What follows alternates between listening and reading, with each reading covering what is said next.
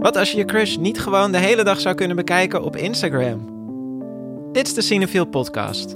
Iedere aflevering pakken we een nieuwe film waar wij bij Cinefiel niet over uitgepraat raken. Een film die vragen oproept en anekdotes bovenhaalt en die ons weer aan andere films doet denken. Deze keer hebben we het over Portrait de la jeune fille en feu, de nieuwe film van Céline Chama. Je suis. L'homme intéressé par ma fille est milanais. Nous partons là-bas si le portrait lui plaît. We zijn op een eiland voor de kust van Bretagne aan het einde van de 18e eeuw. Eloïse moet poseren voor een portret, want haar moeder probeert haar uit te huwelijken aan een man in Milaan. En die wil eerst weten hoe ze eruit ziet. Maar Eloïse wil helemaal niet trouwen met een of andere man uit Milaan.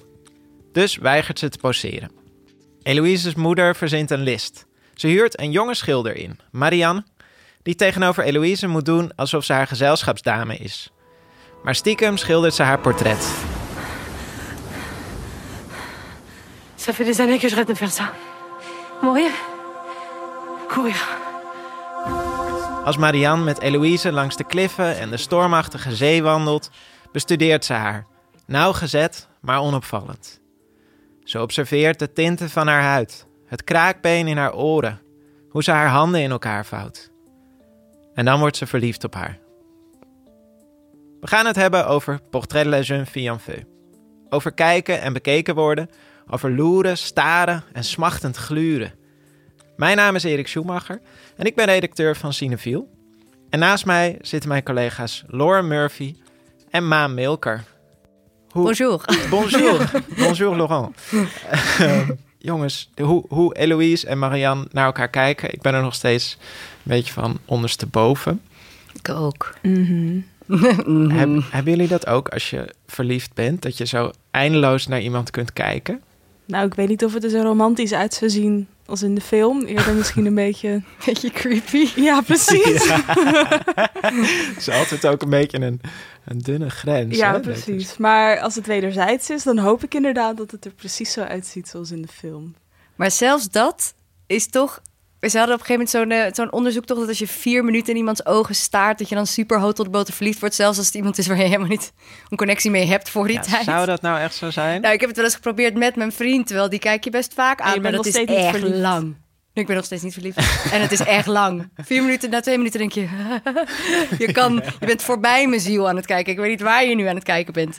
Dus dat is toch in films... wordt dat volgens mij wel ja. soms een beetje aangedikt. Ja, ik, vind, ik voel mij dan ook een beetje romantisch tekortschieten... als ik zo'n film zie. Dat ik denk van, ik sta... Uh, ik, ik, ik durf dat misschien niet zo goed om zo lang... Uh, mijn persoon waar ik verliefd op ben... om daar zo lang naar te staren of zo. Behalve als ze slapen. Ja, vind je dat... Voel je daar oké okay bij? ja. Ja, dat doe ik. Ik slaap altijd eerst, denk ik. Ja, ik heb die behoefte ook nooit zo gehad om dat mijn love interest te gaan bekijken terwijl ze slapen. Maar misschien is dat ook gewoon dat ik dan een beetje zoiets heb van... ik, ik weet niet wat ik daar aantref, weet je? Ik wil graag een soort van beeld wat ik heb in mijn hoofd gewoon goed houden... in plaats van dat je opeens Zo'n half iemand open, kwijlende half mond. ziet kwijlen, inderdaad. dat je denkt, nee. Maar wij hebben foto's. Ja, daar kan je wel echt lekker lang naar staren, ja. Ja, nou ja, dat is wel echt... Ik kan wat dat betreft, ben ik echt een forensisch expert. Ja.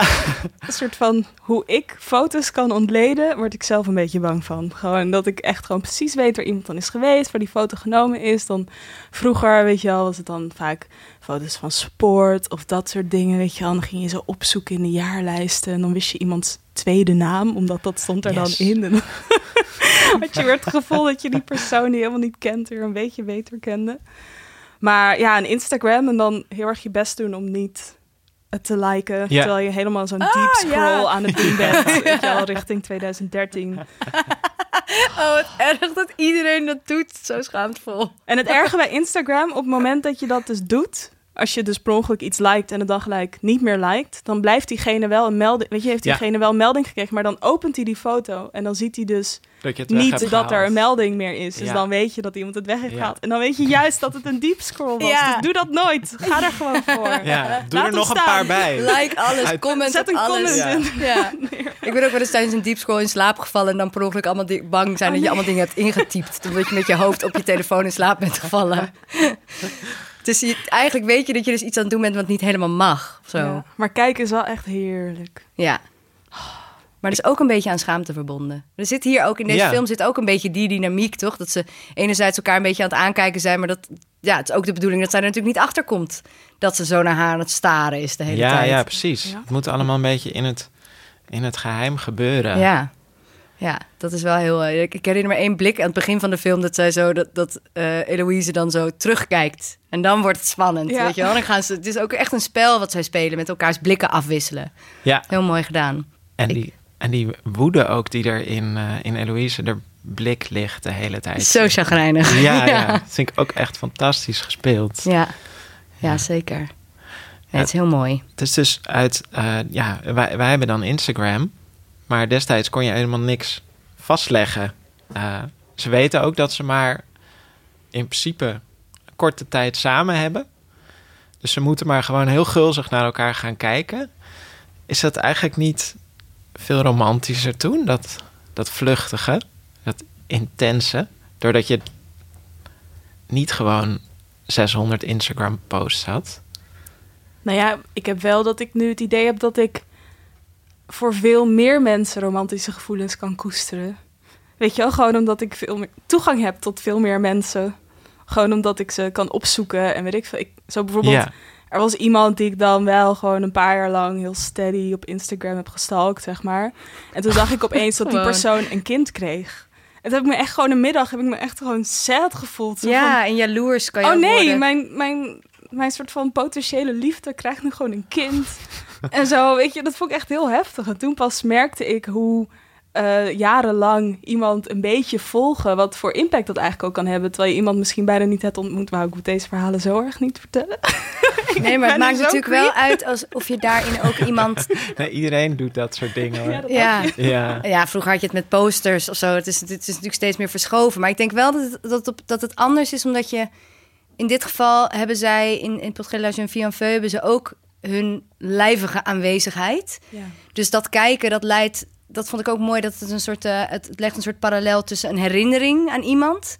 Waar je dan Ja. aan terug gaat denken. En hoe, Ja. hoe vaker je naar iemand hebt gekeken, hoe meer die her- je denkt dat die herinnering vorm krijgt. Maar eigenlijk gaat die herinnering vooral bestaan uit dat schilderij wat zij van haar maakt. Of de foto die je dus van iemand maakt. Of zeg maar, Ja. je kunt toch dat beeld wat je in je hoofd hebt van iemand, kun je Ja. niet helemaal. Het is opeens de vraag, wat is eigenlijk de ervaring?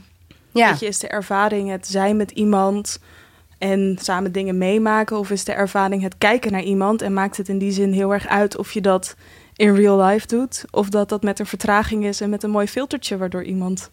ja, en ben je nog, verliefd eh, op het beeld wat je ja. in je hoofd van iemand maakt? Of het beeld van iemand die recht tegenover je zit, waar je vier minuten lang heel Ja. intens bij je in de ogen gaat kijken. Ehm, dus dat, ja, ik vond dat, dat, dat hoofdthema van deze film echt super interessant om ook zelf over na te denken. En je voelt het ook in, ook in hoe het in beeld is gebracht, is ook heel erg. Je wordt ook verliefd op die film. Dat iemand ook op onze Instagram-account gereageerd met wel een post over deze film geschreven als cinefiel. En dat iemand van, ik ben voor het eerst verliefd op een film. Ja. Dus je wordt niet Ja. alleen verliefd op hun en zij op elkaar, maar ook op gewoon de manier waarop Celine dat in beeld brengt en het licht. Het is echt, het is, ja, je loopt echt met vlinders naar buiten. Ja. Het is echt te gek. Ja, toch kan dat verraderlijk zijn als je dan juist naar zo'n film gaat op een date. Dat had ik zelf bij Call Me By Your Name, toen was ik daar... Ik had hem zelf al een keer gezien, maar ik dacht ik ga er nog een keer heen als date. Toen liepen we de zaal uit en toen, zei, toen had ik zin om heel erg romantisch een soort van de avond voor te zetten. Maar mijn date was gewoon totaal verstijfd. Echt gewoon, kwam geen zinnig woord uit. En Omdat, hij te mooi, er? dat het te mooi En was. toen was het van, zo romantisch als dit zal het echte leven nooit zijn. Oh, verdorie. dacht ik, hè, shit, ik had gewoon naar een of andere stomme actiefilm moeten gaan, weet je wel. Dan Oh shit, ja, dat zou best, best bij deze film ook kunnen. bieden. Ja, precies. Ja. Dat je denkt, van, oh, het gaat echt nooit meer zo mooi worden. Nee, breng me terug naar toen. Ja, breng me Ah, naar die had- stranden. Als ik even een tegenwicht, hè, wat, wat het effect van film ook kan zijn, heb ik bij Call Me By Name gehad dat het meisje dat naast mij de film zat kijken, na, na afloop van de film, mij aansprak. En dat we iets gingen drinken met elkaar. echt? Ja, Wauw. Oh. dus die romantiek ja, is op Ja. sommige mensen ook aanstekelijk. Ja, ja, ja. Het is zindert zo de zaal in, weet Ja. je. Ja. Ja, is- Moesten jullie ook aan Call Me By Your Name denken, ook bij deze film? Dat, dat had ik wel. Ja, en dus niet per se omdat het een, uh, een homoseksueel liefdesverhaal nee. uitdrukt, maar juist om die sfeer die het neerzet. En gewoon echt dat, oh, gewoon dat hals over kop, gewoon helemaal opgaan in de liefde. Ja, Hoe lang of kort het ook duurt. en zintuigelijke ja. ook daarvan. Ja, ja, en ook de bubbel waarin ze zitten. Daarin deed het me heel erg denken. Want ze zitten dus samen op een eiland met weet je, dus een bootje wat heen en terug gaat. Maar in principe zijn ze verder afgesloten. Dus ze, hebben, ze, hebben die, ze kunnen zich ook vol op die liefde focussen. En in By Your Name is dat eigenlijk ook zo. Het is ook een soort weet je, een Toscaans landhuis... waar alles eigenlijk veel te perfect is met een paar mensen. Af en toe gaan ze wel naar een dorpje of zo. Maar in principe is dat gewoon hun kleine liefdesbubbel. Ja. En dat werkt natuurlijk zo'n verhaal heel fijn in de hand. Want dan ja. is, dat kan je lekker daarop inzoomen. Daar in die zin. En ook dat vakantie, sowieso dat vakantieliefdegevoel zit hier ook bijna wel een beetje in. Van... Uh, je weet, ja, het is gewoon op dat moment super. En er is een tijdschema ja. in bij allebei. Zo van er komt iemand op bezoek ja. en, die, en die moet op een gegeven moment weer weg. Dat ja. weet je. Ja, ja, precies. En daardoor heb, moet je ergens haast maken en voelt het waarschijnlijk ook altijd alsof je te weinig tijd hebt. Ja. nou, Marianne kijkt natuurlijk naar Eloïse heel verliefd, maar ook gewoon als schilder. Ze komt in eerste instantie gewoon haar werk doen. Um, en zodra ze daarmee begint met het schilderen, kan ze daar eigenlijk niet meer mee ophouden. Hè? Mm ja, je kunt zeggen uh, dat er twee dingen door elkaar lopen. Ze wordt verliefd op Eloïse, maar Eloïse wordt eigenlijk ook haar muze. Uh, het zijn ook twee dingen die denk ik moeilijk van elkaar te scheiden zijn, soms. Vaak. is, is wat die film laat zien over de verhouding tussen kunstenaar en muze anders dan hoe we dat normaal gesproken zien, hoe dat normaal gesproken wordt gepresenteerd? Nou, ik denk wel dat uh, Celine Sciamma heel bewust heeft gekozen voor een period piece, zeg maar, voor een kostuumdrama die uh, dat, um, ja, dat gaat over deze relatie, maar dat het nu niet is een mannelijke schilder die een of ander veel te jong meisje wat heel mooi is uh, vastlegt en waarvan je dan afvraagt van, nou, hoe zit het nou eigenlijk, weet je wel? What's, uh, what's in it for her? Ja, precies. Maar um, ja, dat het juist gewoon twee mensen zijn die heel erg aan elkaar gewaagd zijn. En ook dat idee dat je een vrouwelijke schilder hebt. Um, het was heel erg lang zo in de kunstgeschiedenis dat vrouwen andere vrouwen uh, vastlegden. En dat was dan vaak binnen een soort van huistuin- en keukencontext. Maar het waren wel altijd rijke vrouwen die gewoon um, ja, vaak niet hoefden te werken. Waardoor ze ook echt heel veel tijd hadden om hun schilderkunst te ontwikkelen. Dus daar zitten gewoon hele uh, ja, hele, hoe zeg je dat, hele um, ontwikkelde kunstenaars tussen. Ja. En, maar zij mochten bijvoorbeeld hun kunstwerken niet ondertekenen. Want als vrouw heb je geen handschrift, want als vrouw ben je niemand, zeg maar. Je, of je hebt geen, uh, hoe noem je dat, handtekening. En ze mochten officieel ook geen mannen portretteren nee, eigenlijk. Nee. Dus dat deden ze dan in het geheim. Want hoe kon je een goede schilder worden zonder de mannelijke anatomie te kennen? Maar ze mochten officieel dan geen naakte mannen ja. schilderen. Dus dat, ja, dat zit er ook wel in. Dus een soort van mensen um, in de aanloop van deze film was het een beetje ja, een kritiekpunt van moet dat nou? Moet je nou de geschiedenis zo gaan veranderen? En uh, weet je, opeens zo'n narratief wat zo onvoor, onvoorstelbaar is eigenlijk. Dus en een vrouwelijke schilder en ze worden verliefd op elkaar en het kan allemaal maar gewoon of zo. Oh, ja. Terwijl zij zegt van ja, hallo, uh, het feit dat we dat niet zien in onze musea, in onze kunstgeschiedenisboeken, betekent echt totaal niet dat het niet zo is. Nee. Um, en ze vertelde ook dat hiervoor heeft ze meer soort van realistische films gemaakt. Veel meer hedendaags.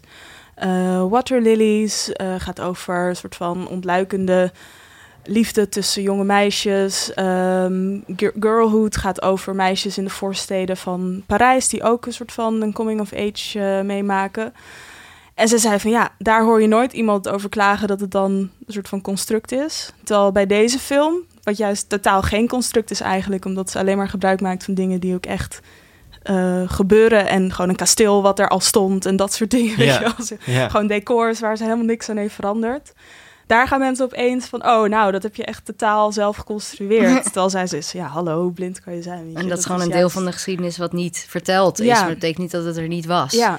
Maar dat sowieso denk ik wel met muzes je hebt natuurlijk wel het, ik denk dat het, het, klassieke idee van de kunstenaar en de muze en dat daar een ongelijkwaardigheid in zou zitten, klopt ook.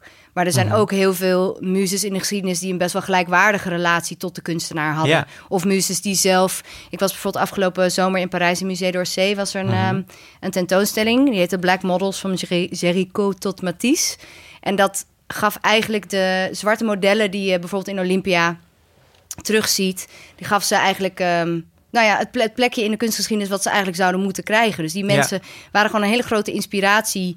Gewoon een, een gemeenschap in Parijs die door meerdere kunstenaars geportretteerd, geportretteerd werden. Die ook allemaal hun eigen verhaal hebben. Dus ze hadden dan, weet je, de kunstwerken kende je wel, maar dan hadden ze daarnaast hadden ze gewoon heel uitgebreid van wie diegene was, wat diegene daarvoor had gedaan, eh, uitspraken, weet je. Dus de- het is ook gewoon het, toe- weer toe-eigenen van een stukje geschiedenis wat gewoon helemaal niet verteld is hiervoor. Dat doen zij hiermee eigenlijk ook. Heel veel is wel gewoon heel erg traceerbaar. Als je het hebt over muzes ten opzichte van kunstenaars. Gewoon Hmm. omdat we de kunstwerken hebben.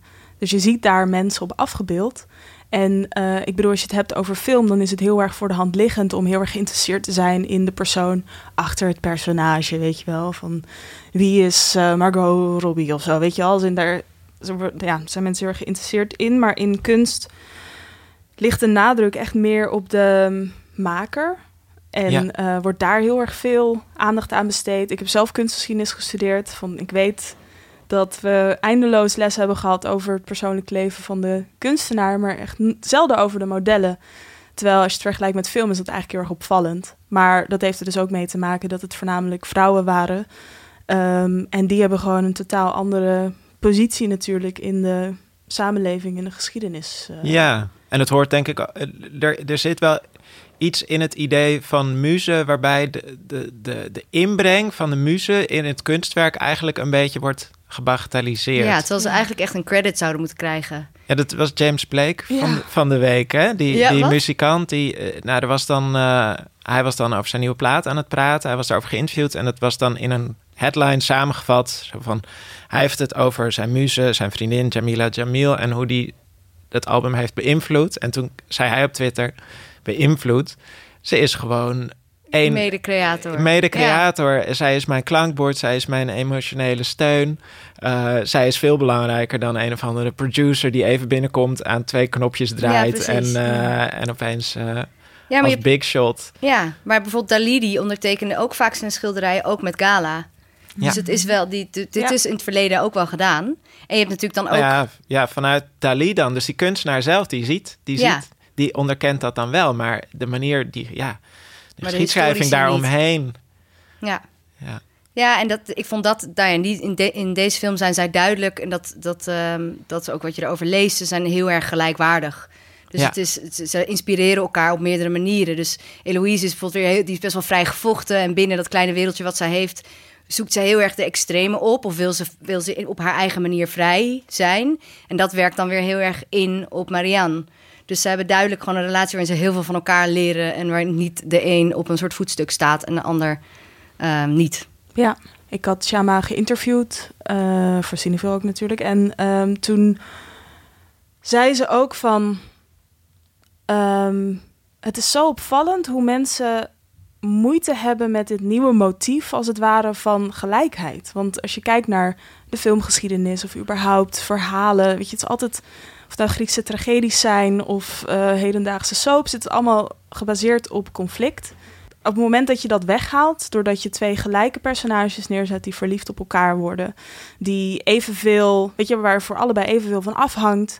eh, ja, gewoon mensen het niet letterlijk die evenveel Ja. van elkaar houden, zeg Ja. maar. Niet, Ja. niet de een die over de ander domineert. Dan gaan mensen opeens van, hé, maar het is toch vet saai? Ja. Van, Wat is er Een nou? soort van, er, zit een er zit wel in die premisse zit spanning, maar die wordt eigenlijk in de film al vrij snel opgelost. Ja, En daarna gaan we gewoon verder. Ja, en dat is helemaal niet erg om naar te kijken. Het is super spannend zo goed. Ja. Ja. Ja. Ja, maar mensen willen dan toch... Ik bedoel, dat zie je ook bijvoorbeeld bij John Lennon en Yoko Ono of zo. Of eh, wat John Coltrane en zijn vrouw. Dat er dan soms pas na iemands dood... iemand anders opeens toch ook compleet een eigen gelijkwaardige rol te, te hebben vervuld... in het leven van diegene. En dan is het niet Ja. meer eh, John Coltrane en zijn vrouw, maar is het Alice Coltrane. Hey, ja, of is het Yoko Ono waar John Lennon gewoon compleet van onder de indruk was al bij de eerste show die hij van haar zag, weet je wel. En, Ja. Maar daar wordt dan natuurlijk in de media en door de fans van gemaakt. Hij heeft, zij heeft hem afgepakt, weet je wel. En soort- ook, ook als muziek. Ze hebben toen die, die Plastic Ono band Mhm. gehad. Toen hebben ze een soort allebei een album tegelijkertijd uitgebracht. En in 1970. En dat haar album werd toen belachelijk gemaakt eh, door, Mm. door iedereen. Ja. En het- inmiddels geldt dat echt als een super invloedrijke klassieker. En die, en die andere helft van dat dubbelalbum van John Lennon. Nou ja, nou, ik ben ook niet zo'n John Lennon film, maar, fan. Maar dus zij, ja, ja, zij werd destijds enorm gebagatelliseerd als, Mhm. als kunstenaar. En, en eigenlijk was dat bij hun wederzijds. Ze waren allebei kunstenaar. En, ja. Ja, of, of eh, Michel- eh, Michelangelo Antonioni en Monica Vitti, die zijn ook... Ik bedoel, Monica Vitti, die kennen we natuurlijk als het gezicht van de Antonioni-films. Zie je met Il Deserto Rosso en eh La Ventura. Weet je, echt zo die smachtende blik. Ja, ja. En die echte Italiaanse kus. dat mensen gewoon hun hoofd gewoon Tegen elkaar aanplakken. tegen elkaar aanduwen. denk nou, ik dan dat is altijd, echt ja. iets wat ik gewoon straks ga proberen. Dat lijkt me, dat lijkt me eigenlijk heel romantisch. Ehm, maar eh, zij zijn uiteindelijk getrouwd. En eh Viti heeft toen een scheiding aangevraagd na een x-aantal jaren, omdat zij, ehm, ja, eh, omdat ze onoverkomelijke verschillen is het dan, geloof zijn ik, heel veel differences. in huwelijkse termen. Alleen wat daarachter zat, was dat Antonioni heel erg van haar wilde dat zij heel erg dezelfde persoon bleef. Dus heel erg een soort van dat bleuwe meisje waar hij op los kon fantaseren, die hij altijd dezelfde rol kon laten spelen, zeg maar. Een soort van heel vaak met geestesziekte en dat soort dingen, weet je wel. Mhm. Terwijl zij zoiets had van ja, ik ben daar echt zo voorbij in mijn ontwikkeling als actrice, maar vooral ook in mijn ontwikkeling als mens. En ik wil niet dat jij jouw creativiteit op die manier van mij af laat hangen, want dat werkt niet op het moment dat wij een liefdesrelatie hebben.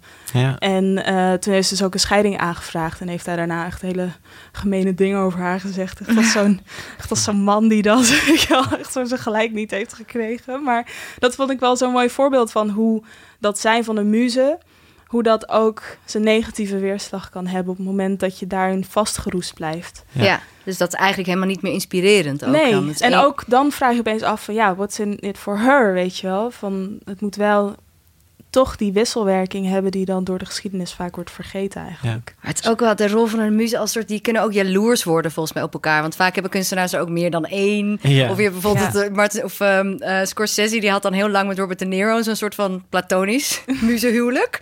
Maar daarna ging hij natuurlijk films maken met Leonardo DiCaprio, want die is jonger. En toen las ik laatst een interview over The Irishman, die binnenkort uitkomt, dat Robert De Niro super jaloers was, dat hij gewoon een paar keer gepasseerd werd. Maar ja, hij was gewoon Te niet, oud. hij was gewoon te Ja. oud voor die rollen. Maar nu mag hij dus eindelijk dan weer in de film van hem spelen. Dat vond hij super, super fijn.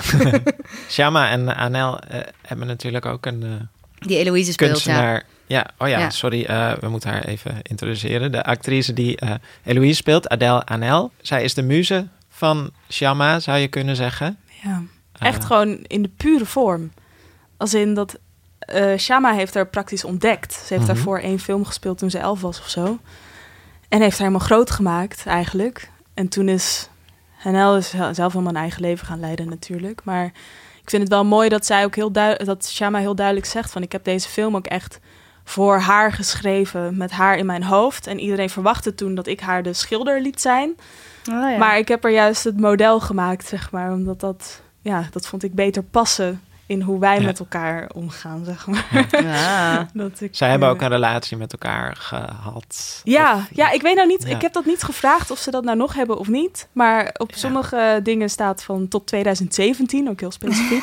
en op andere, een andere Tweede interviews... kerstdag Ja, 2017. ja. Oh, verschrikkelijk. in andere dingen heb ik gelezen dat ze eh, niet meer samen zijn. Maar Het zou- het- ik vind het ook een leuk idee als, dat als ze niet meer samen zijn, dat zij nog steeds Ja, die rol zeker. voor haar vervult. Ja. Ja, ja. Dat je Want- dat mooi kunt scheiden. want het Ja. gaat toch heel vaak samen, dat soort een liefdesrelatie en een muzenrelatie. Behalve bijvoorbeeld bij Pedro Almodovar, waar ik laatst ook met uh, Hablo, of nee, niet, um, Dolor y Gloria, zijn laatste, Mhm. waar Penelope Cruz ook weer in speelt, die ik altijd in zijn film speelt. Heel mooi. Maar hij zegt zelfs bij haar, want hij valt op mannen, maar hij zegt van ik, uh, ik wil alsnog met haar naar bed met Penelope Cruz. Maar dat zegt hij dan op een manier Creep. van... Ja, dan denk je eerst, huh? Maar wat hij daar... Ik snapte wel wat hij daarmee bedoelt. Want hij zegt dan van... Uh, als, ik, als ik haar dan heb gefilmd of ze zit in mijn films... en als ik dan naar haar kijk, Ja. dan wil ik met haar naar bed. Ja. Zelfs al wil hij niet echt fysiek met haar naar bed. Ja, Het is een als soort hij van... tegenover Toch er krijg zit, ik dan daar niet. Nee, dan is het gewoon zijn vriendin.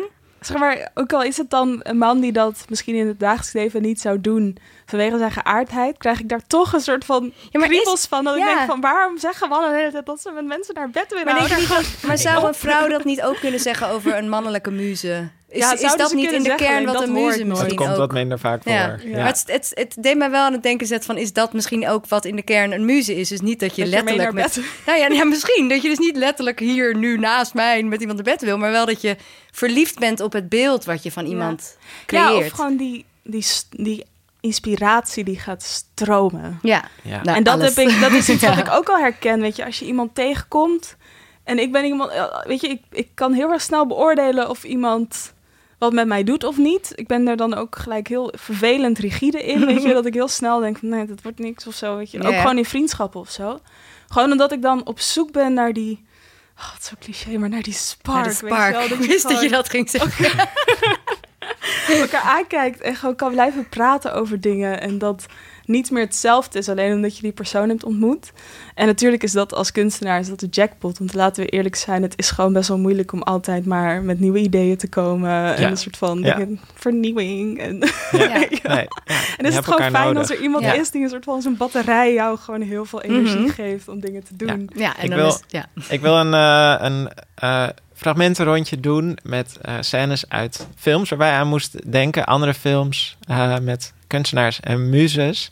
En ik dacht, ik trap hem zelf maar even af met um, soort van voor onze generatie, denk ik, het kanonieke beeld van een kunstenaar en zijn muze, namelijk in Titanic. Ja. uh, Jack en Rose. Um, misschien moeten we, moeten we gewoon maar even naar het fragment luisteren. That's nice. What is it, a sapphire? A diamond. A very rare diamond. Jack, I want you to draw me like one of your French girls. Wearing this. All right. Wearing only this. Oh. Het klinkt zo anders. Ik heb hem al heel lang niet gezien, maar het klinkt zo anders dan in mijn hoofd. Ja? Wat jij het dan in je hoofd? Nou, gewoon Draw Me Like One of Your French Girls als zin is natuurlijk ook een soort van wereldberoemde meme geworden. Het staat op een Cinefield tasje en dat is zeg maar iets wat hij gewoon te pas en te onpas eruit gooit. Maar zo in een hele volzin klinkt het net anders. Dat is gewoon interessant hoe iets dan een eigen leven eigenlijk is. Ja, ja, ja, ja. Ik vond het wel leuk dat Shama hier zelf ook aan heeft gerefereerd. Oh ja? Van, als het, als het, toen ze de film ging uitleggen. Ja, het is eigenlijk gewoon een beetje gejat van Titanic, maar... ik vind no shame. Ja, ik vind het heel opvallend als je die scène bekijkt... dat het eigenlijk... Uh, uh, dat zij hem helemaal uh, dicteert eigenlijk hoe dat, hoe dat eruit moet, moet gaat zien. Ja. dus zij, zij zegt eigenlijk, ja... Uh, the last thing I need is another portrait of me like a porcelain doll, zegt ze tegen hem. En dan legt ze zo'n muntje neer uh, en dan zegt ze: As a paying customer, I expect to get what I want. Dus zij neemt eigenlijk als, als muze, als object, als, als afgebeelde, neemt ze heel erg de regie in handen. Eigenlijk als, ik, ik, ik, toen ik het weer terugzag, moest ik ook denken aan die Instagram-account Boyfriends of Instagram. Ken ik niet. Kennen jullie dat? Nee. nee. Dat is een soort van, daar is verzameld hoe. Uh, uh, uh, vriendjes. Nou ja, je hebt dan natuurlijk uh, mensen die dan een zeer succesvolle Instagram-pagina hebben. Maar er is altijd iemand die de foto's van, ah. van ze maakt. En dat is vaak een vriendje of een moeder. Dus er staat ook een schitterende foto op van een jongen die dan zo heel gespierd in de spiegel kijkt. En dan zie je zijn moeder zo die, die foto nemen of zo. Dus die oh, is account leuk. is eigenlijk soort van gespecialiseerd in soort van de gênante achterkant van wanneer en je ziet het ook zo vaak gewoon ja, net nog straat, op weg hier naartoe. Door, toen we door het Vondelpark liepen, was er ook weer een soort hele fotosessie ja, bezig. Ik vind het ook altijd heel leuk om daar foto's van te maken. Ja. Van inderdaad die soort vriendjes die dan heel ongemakkelijk in hun vriendin aan bij de brug ja. Amstel. Oh, wat grappig. Wat een leuk idee. Um, uh, Lauren, aan welke scène moest jij denken? Um, ik moest, nou niet eens specifiek aan één scène, maar vooral aan een film, aan Phantom Thread van P.T. Anderson uit mm -hmm. 2017, vrij recent. Um, wat ook wel een beetje inhaakt op wat jij zegt over de macht mm, niet per se nemen, maar terugnemen als muze. Dat is ook wel waar de film voor een deel over gaat. Over de relatie ja. tussen hun. Hij super is een, spannend. Uh, super spannend. Ja. En uh, hij is uh, een, um, een, een modeontwerper.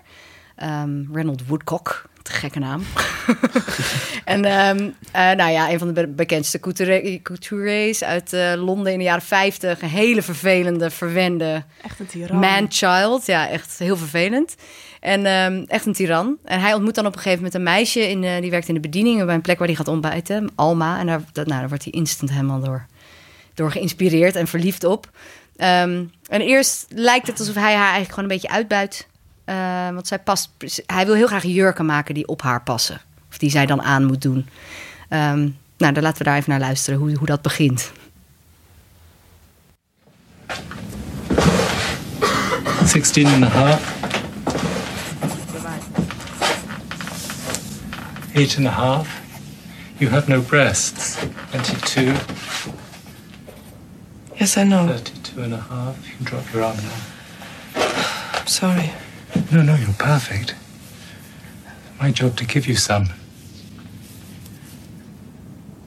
If I choose to. Ja, echt verschrikkelijk. Ja. Uh, hij zou dus aan het opmeten, zegt dat ze geen borsten heeft en ze zegt ja, dat weet ik. en um, en uh, dan zegt hij nee, it's my job to give you some. Natuurlijk, dat hoorde je. Dus het, dat is hun verhouding in het begin. Is er, hij ziet haar als iets wat hij kan kneden en modelleren en zijn idee is hoe, hoe vormelozer eigenlijk zij is, hoe meer hij zijn kunst daarop los kan laten. Op een bepaalde manier. Maar nou ja, later in de film neemt dat een totaal onverwachte wending, waarin zij totaal de overhand krijgt over hun relatie. En dan ook blijkt dat dat, dat hem juist heel erg inspireert ook. Dus hoe meer tegen, tegengas zij geeft, hoe beter dat ook voor hem is. Ja.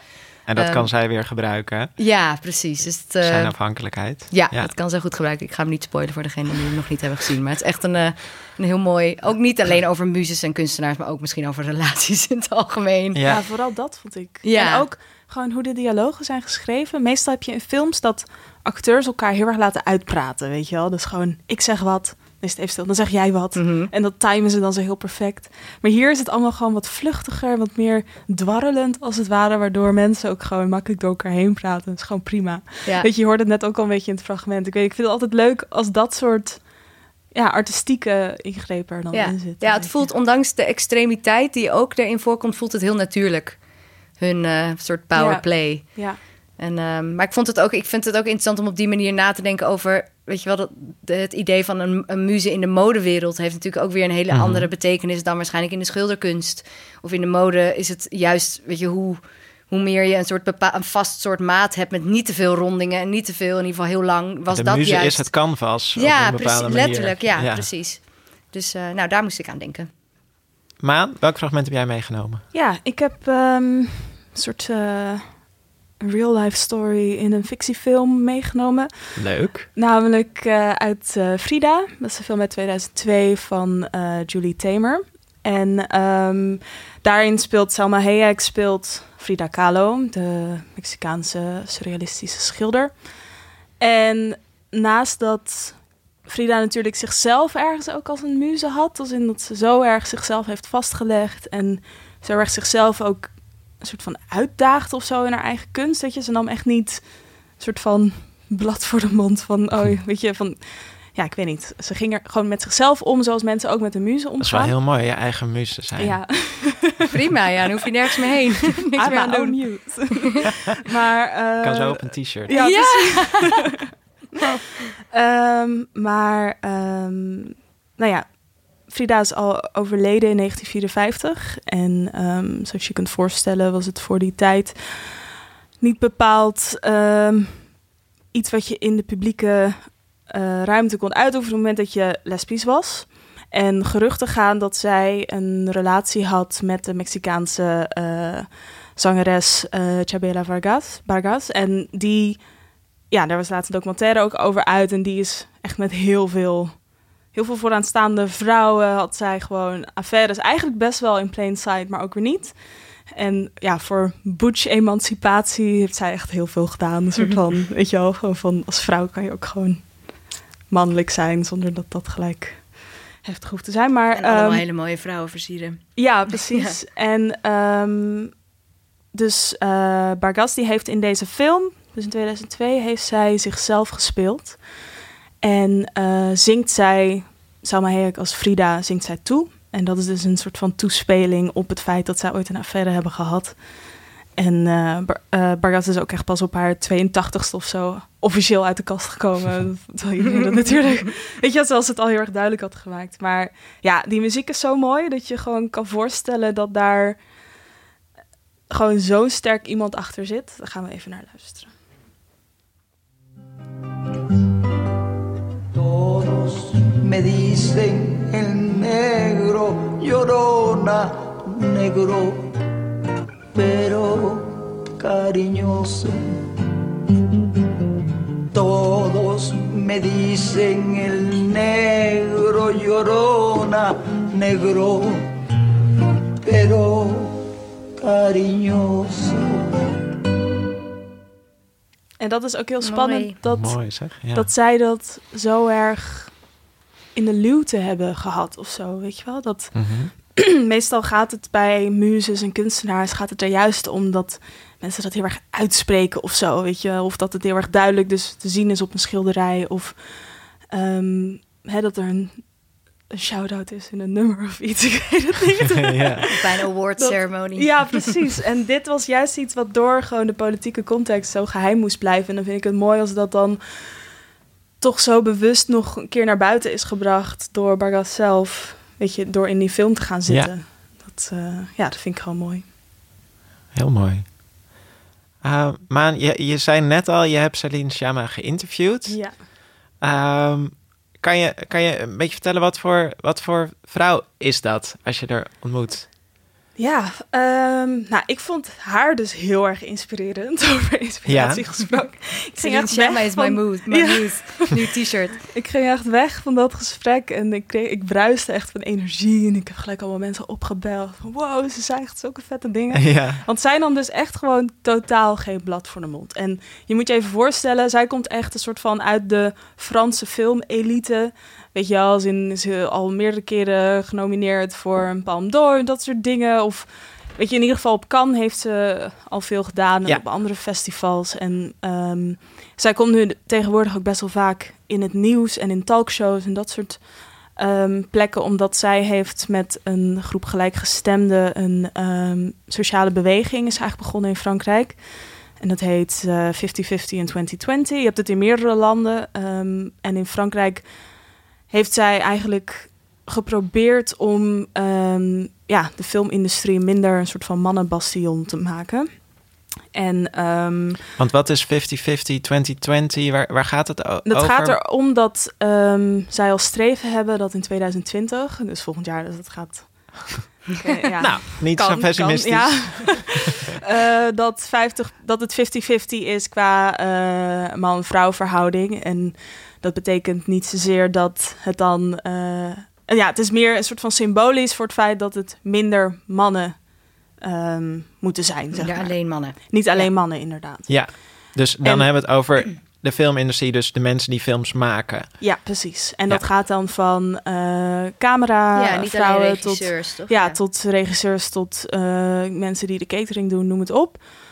En zij heeft dus heel veel verschillende filmfestivals, internationaal in Korea, in, um, uh, in Finland. Overal heeft ze het laten ondertekenen. En bijvoorbeeld bij Toronto uh, hebben ze het ondertekend, maar daar voldeden ze al aan zeg maar, de eisen in uh, in het manifest. Dus die hebben er nog oh, wat dingen aan toegevoegd.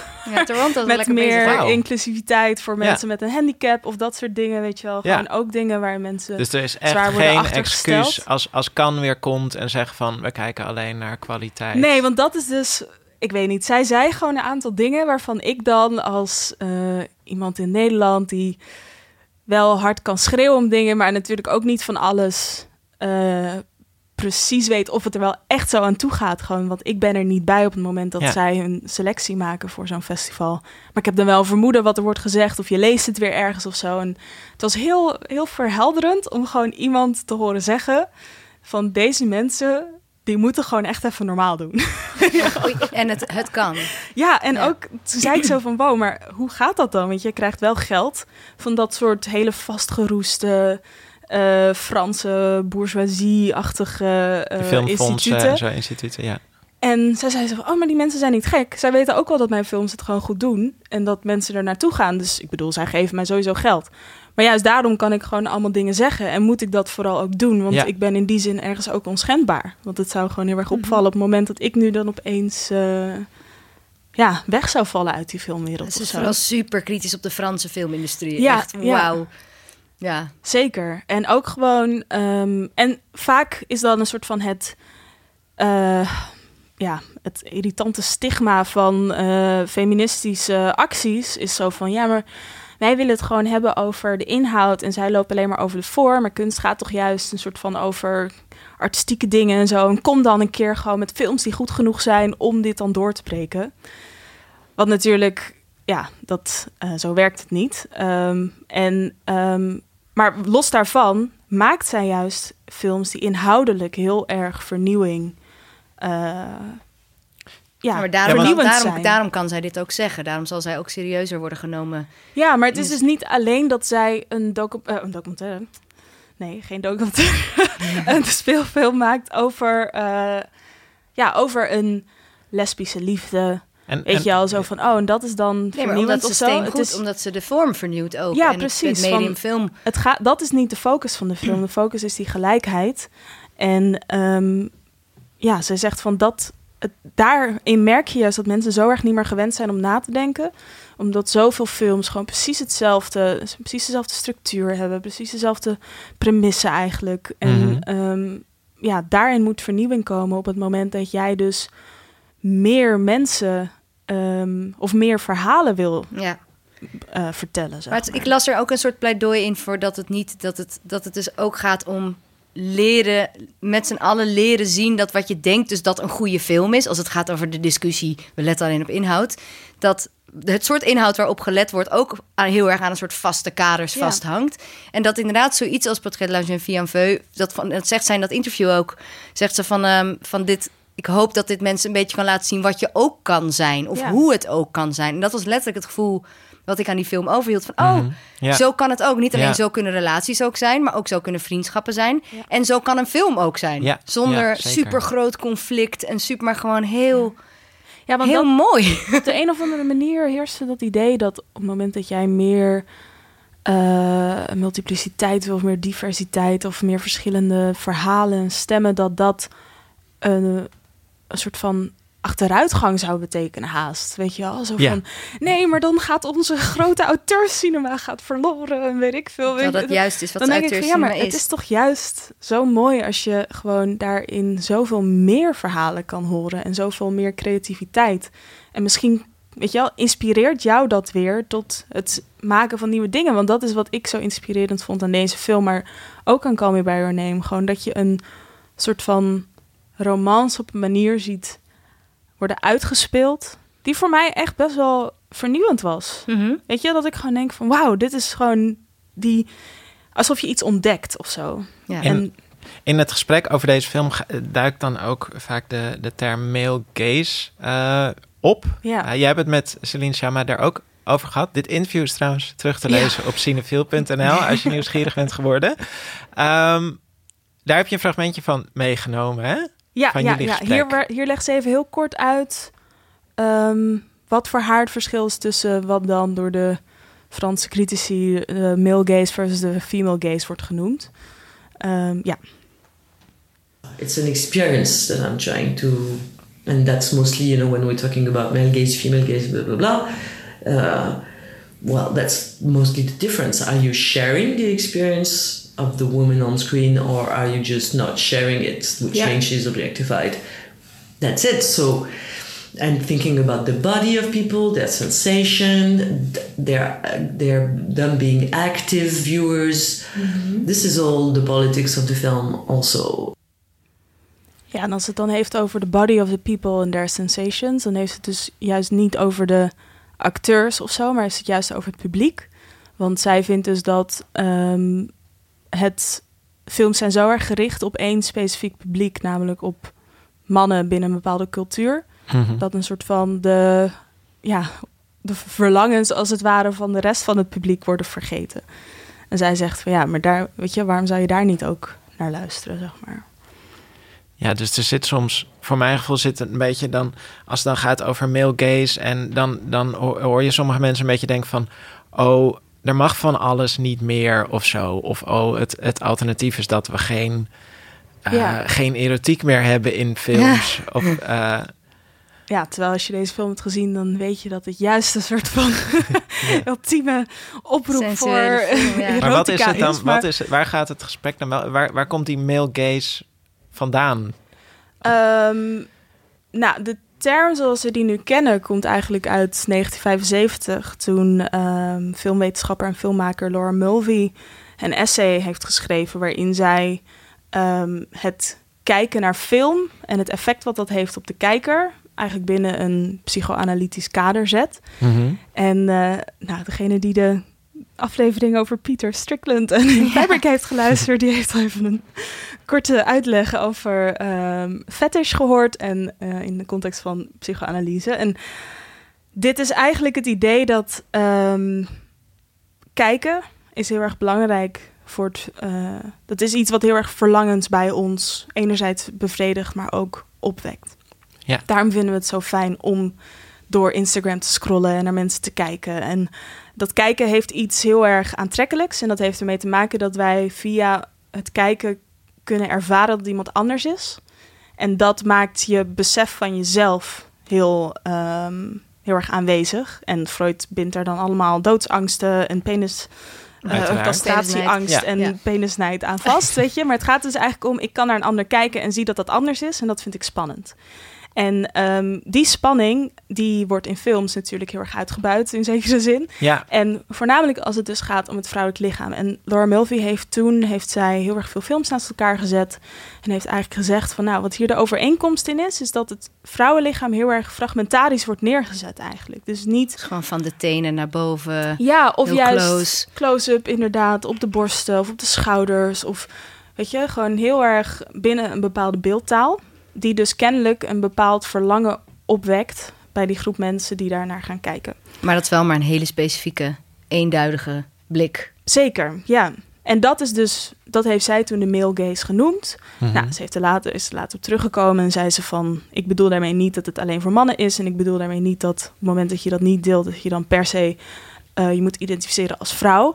Uh, dus ze heeft het breder getrokken, vooral omdat ze ook soort van kritiek kreeg vanuit uh, trans-emancipatiehoek. En, maar uh, het gegeven blijft dat op het moment dat je kijkt naar hoe vrouwenlichamen in beeld worden gebracht en mannenlichamen, dat er gewoon echt een heel erg duidelijk verschil tussen is. En um, ja, eigenlijk is daar dus de female gaze tegenover komen te staan in de publieke opinie. Dus oké, okay, op het moment dat iemand dus niet zo fout geseksualiseerd en objectificerend een vrouw neerzet, dan ben je dus kennelijk de female gaze aan het doen. Mm -hmm. Maar dat ja, het is, is natuurlijk, wordt natuurlijk heel veel door elkaar gehaald. Ja. Dat mensen, ik denk automatisch nu denken dat een male gaze betekent dat het dus van een mannelijke maker moet zijn. Ja. Of dat het is zoals alle mannen naar vrouwen kijken. Maar het gaat meer om een het, het, is zowel de blik van het publiek als van de maker. De acteurs doen er ook aan mee. En er zijn ook vrouwelijke regisseurs die een male gaze kunnen hebben. Dus de term is wat dat betreft een beetje verouderd. Maar ik denk wel dat we allemaal snappen in de kern wel snappen wat ermee bedoeld wordt. Nou, ik weet niet of we dat allemaal snappen. Ja, uh, wat, nou, wat is voor jou, Lauren, wat, wat is voor jou nou een moment dat je, dat je naar een film keek? Uh, uh, kan je, kan je een scène noemen of zo dat je echt denkt van, eh, nou, hebben we hem. Nou, nee, ik, ik heb daar, ik, als ik daar eens over nadenk, dan denk ik denk dat dat zo wijd verspreid is, mm -hmm. dat je bijna niet één voorbeeld kan ja. noemen waardoor je dacht, oh, nu is het wel heel, uh, want dat is namelijk, het is namelijk de norm. Dus het is ook inmiddels de manier waarop heel veel vrouwen naar zichzelf kijken. En waarop de modewereld naar vrouwen kijkt. En waarop we allemaal gewend zijn om het vrouwelijk lichaam te objectificeren. Dus dat vind ik moeilijk, soort één moment. Maar ik heb wel uh, vorig jaar een film gezien die daar heel erg mee speelde, waardoor ik er heel erg bewust van werd. Dat is Revenge, ook toevallig van een Franse vrouwelijke filmmaker, mm -hmm. Coralie Verja. En dat is een, ja, een horrorfilm, eigenlijk een rape revenge film. Dus over een vrouw die verkracht wordt door een man en daarna een soort van voor dood wordt achtergelaten en wraak gaat nemen. Dat is een, helaas een, een subgenre in de horror. Maar dit uh, brengt haar, zeg maar, dat hoofdpersonage, die wordt in het begin heel erg zo als een stereotype bimbo, zeg maar, in beeld gebracht. En echt letterlijk met zweet op haar huid en van de tenen naar boven toe. En bijna met een soort van jaren zeventig pornomuziekje eronder. Maar dat wordt zo, zo duidelijk gedaan dat je denkt: hey, dit is, dit is die gaze waar het over gaat. En vervolgens daarna, als ze weer geresurrect wordt als een soort van phoenix uit de as. Om die mannen dan een lesje te leren, dan wordt opeens haar lichaam meer als een soort superheld neergezet. Dus wat verder weg, heel erg op de spieren, net op een andere manier. Ja. Dus dat en omdat je en toch ook omdat ik wist dat het door een vrouw gemaakt was, word je daar dan bewuster van. Toen dacht ik, zij speelt heel erg met de male versus female versus blik op de man in film. Ehm. Dus dat vond ik heel interessant. Dus dat is degene waar ik denk ik, waar ik zelf het, het duidelijkst, dus ook wel heel erg overduidelijk, eh, aan moet denken. Als ik daaraan denk. Ik weet niet of jij, Maan, ook Ja. zo'n... Nou, ik, ik heb het zelf heel erg... ehm, eigenlijk met alle films waarin Paz la Huerta speelt... en je kan haar onder andere kennen van Boardwalk Empire... maar ook... Ik had het heel erg sterk in Enter the Void van Gaspar Noé. Daarin speelt zij ehm, de zus van het hoofdpersonage... en zij werkt eigenlijk als sekswerker in Tokio...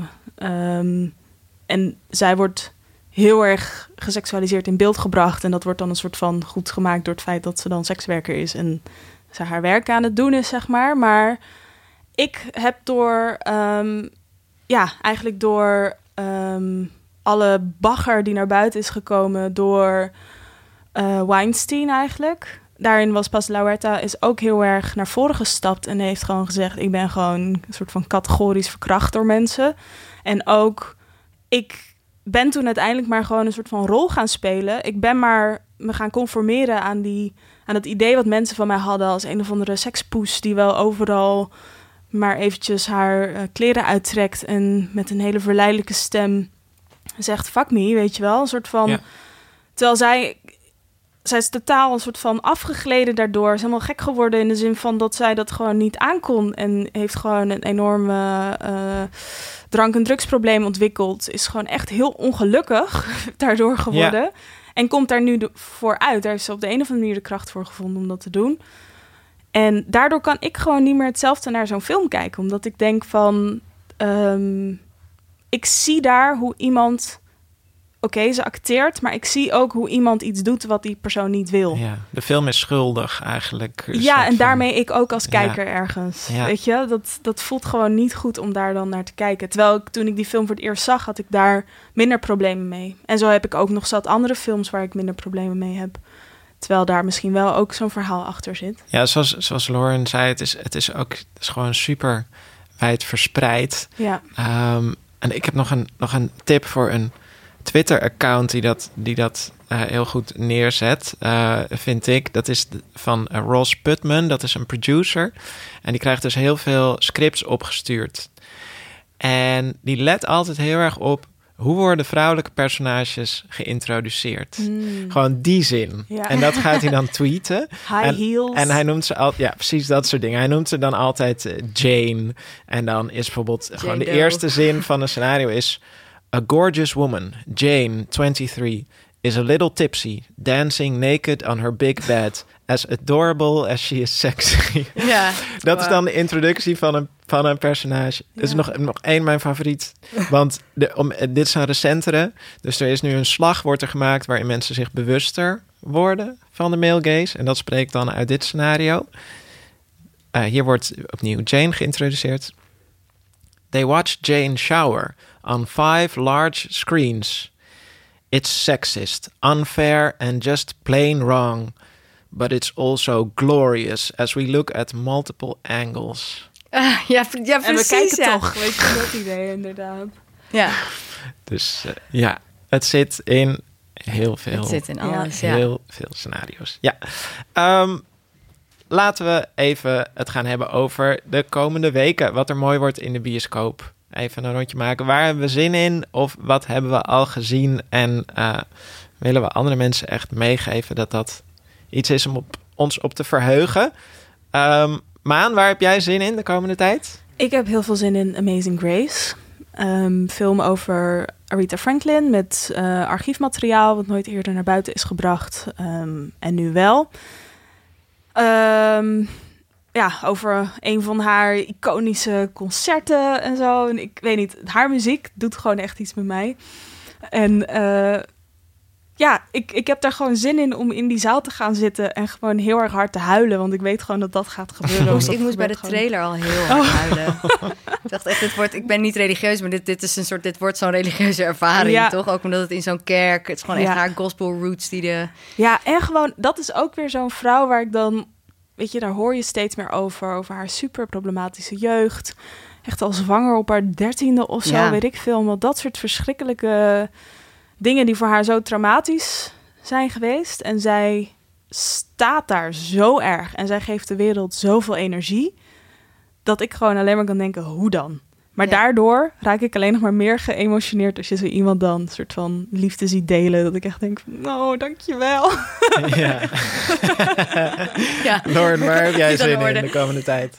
Um, ik heb zin in Beats. Die ik volgens mij ook al zes podcasts geleden een keer Ja, toen we het over de Libië hadden, toen had je het er ook over. Ja. En je hebt sindsdien elke week elke dag dat ik je heb gezien, ben je ook over deze film begonnen. Ja. Ben je naar ADE geweest? Nee, ik ben niet naar ADE geweest. Ik heb het volledig aan me voorbij laten gaan. Wat helemaal niet erg was. Um, Want je, was, je hebt Beats gezien dus. Want ik heb Beats gezien, dus ik weet hoe het voelt. Ja, nee, het is een, um, het gaat, het is een film over twee vrienden in uh, Schotland in de jaren negentig. Die kosten wat het kost naar een illegale, een van de laatste illegale raves willen.